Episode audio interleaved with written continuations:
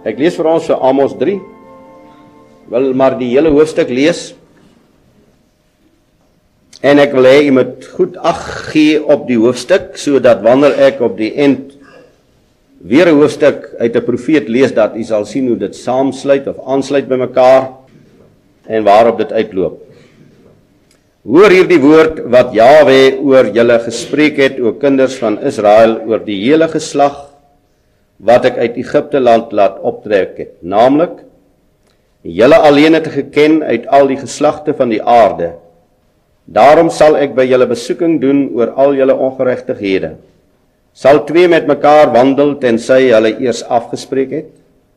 Sal 'n leeu brul in die woud as hy geen prooi het nie? Sal 'n jong leeu sy stem uit die leplek laat hoor as hy niks gevang het nie? Sal 'n voël in 'n net val op die grond as daar vir hom geen stryk gestel is nie? Sal 'n wip van die grond af opspring as dit glad nie gevang het nie? Sal die basuin in die stad geblaas word en die bevolking nie skrik nie? Sal daar 'n onheil in die stad voorval as Jawe dit nie bewerk het nie? Want Jawe doen niks tensy hy sy raadsbesluit aan sy knegte die profete geopenbaar het nie. Die leeu het gebrul, wie sal nie vrees nie? Jawe het gespreek, wie sal nie profeteer nie? Roep dit uit oor die paleise van Asdod en oor die paleise van Egipte land en sê: Versamel julle op die berge van Samaria en aanskou die groot beroering in die midde van die stad en die verdrukking daar binne. Ja, hulle weet nie om reg te doen nie, spreek Jawe. Hulle wat geweld en verdrukking opstapel in hulle paleise. Daarom, so sê Jawe, 'n vyand. En dit rondom die land. En hy sal jou vesting van jou af neerwerp en jou paleise sal geplunder word. So sê Jawe, soos 'n herder 'n paar pote of 'n oorlappie red uit die bek van 'n leeu, net so sal gered word die kinders van Israel wat daar in Samaria in die hoek van 'n bed of op die damas van 'n rusbank sit. Hoor en waarsku die huis van Jakob, spreek Jawe, die God van die leerskare, dat ek in die dag as ek die oortredinge van Israel aan hom besoek, ook besoeking sal doen oor die altare van Bethel, sodat die horings van die altaar afgekap sal word en op die grond val. Dan sal ek die winterhuis saam met die somerhuis tref en die huise van u voor sal te gronde gaan en baie huise sal verdwyn, spreek Jawe. Ons skryf bo aan die boodskap die skaapherder. As 'n mens deur die Bybel blaai, geliefdes, is dit seker een van die rykste beelde wat deur God en wat deur sy volk gebruik word.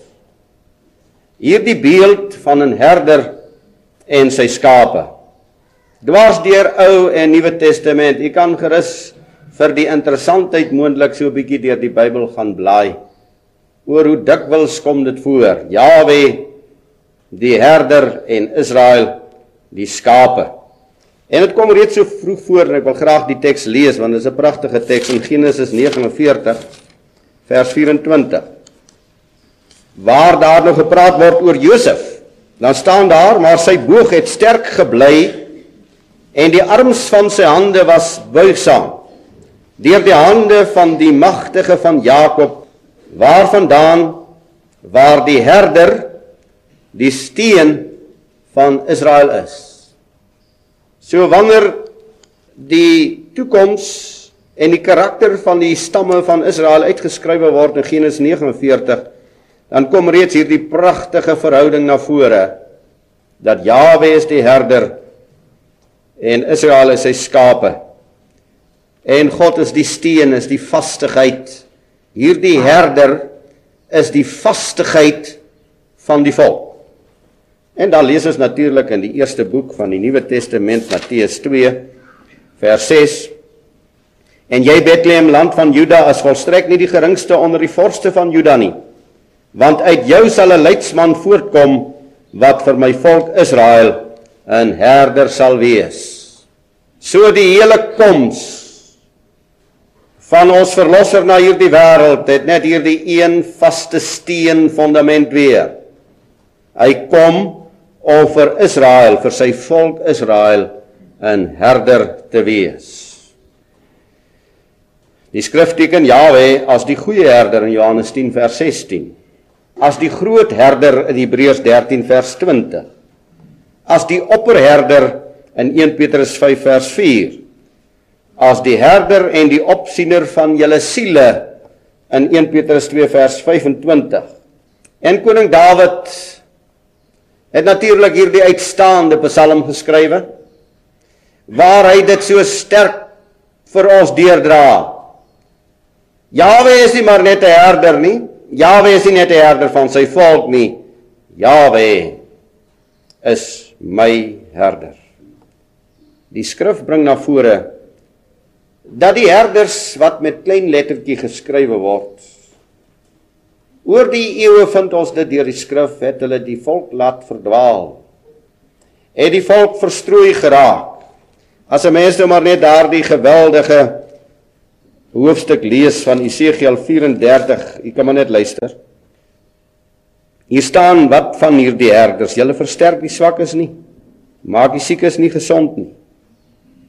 Verbind nie wat verdryf is nie. Bring nie terug wat verlore is nie. So het hulle dan verstrooid geraak omdat daar geen herder was nie. Nou dis herder met 'n klein letter en hulle en hulle het die voedsel geword van al die wilde wesens van die veld en het verstrooid geraak. My skape dwaal rond op al die berge en op al die hoë heuwels. Ja, oor heel die oppervlakte van die aarde is my skape verstrooi sonder dat iemand na hulle vra of hulle soek. Hierdie hierdie gedagte gaan ook deur heel die skrif van die menslike herder in sy swakheid en in sy nietigheid en die feit dat hy is nie hy is nooit nog die steen gewees nie hy was nog nooit die vastigheid nie. Geliefdes dis die tragedie van die volk oor die eeue. Vroeg het hulle vir hulle 'n koning gekies op die aarde terwyl Jawe hulle koning was so het hulle hulle godsdienstige stelsel hulle vertroue gestel op die herders wat hulle met hulle oë sien terwyl een ek wat gebonde is aan God Jawe. Dat ek vanmôre weet, ek het net een herder. Daar is net een wat vir my ken en my verstaan en wat werklik vir my kan help. Die hele weg van die volk sonder die opperherder is 'n tragedie. Ek moet dit herhaal, geliefdes. Die hele weg van die uitverkore volk oor die eeue sonder die opperherder is 'n tragedie. Jesaja 53 vers 6 sê vir ons ons het almal ons het almal gedwaal so skape en ons het elkeen sy eie weg gewandel. En 1 Petrus 2:25 wil ek net ek het dit gekwoteer net ek wil dit net nou lees. Want julle was soos dwaalende skape. Maar julle was soos dwaalende skape. Maar nou het julle teruggekeer na die herder en die opsiener van julle siele. As 'n mens na 'n gewone skaapherder kyk op die aarde wat gewone skape versorg. Dan is hy tog begaan oor die skape se weiding en oor hulle water.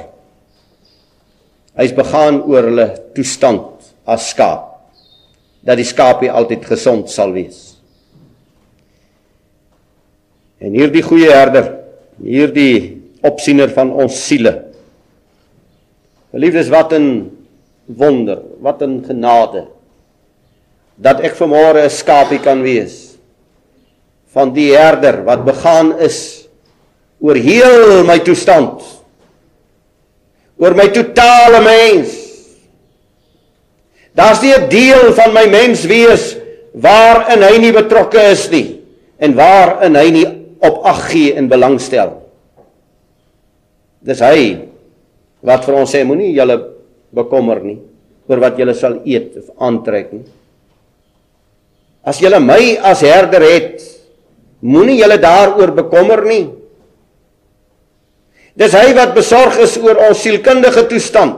Dis hy wat besorg is oor ons siele toestand. En dis hy wat vir ons so goed ken.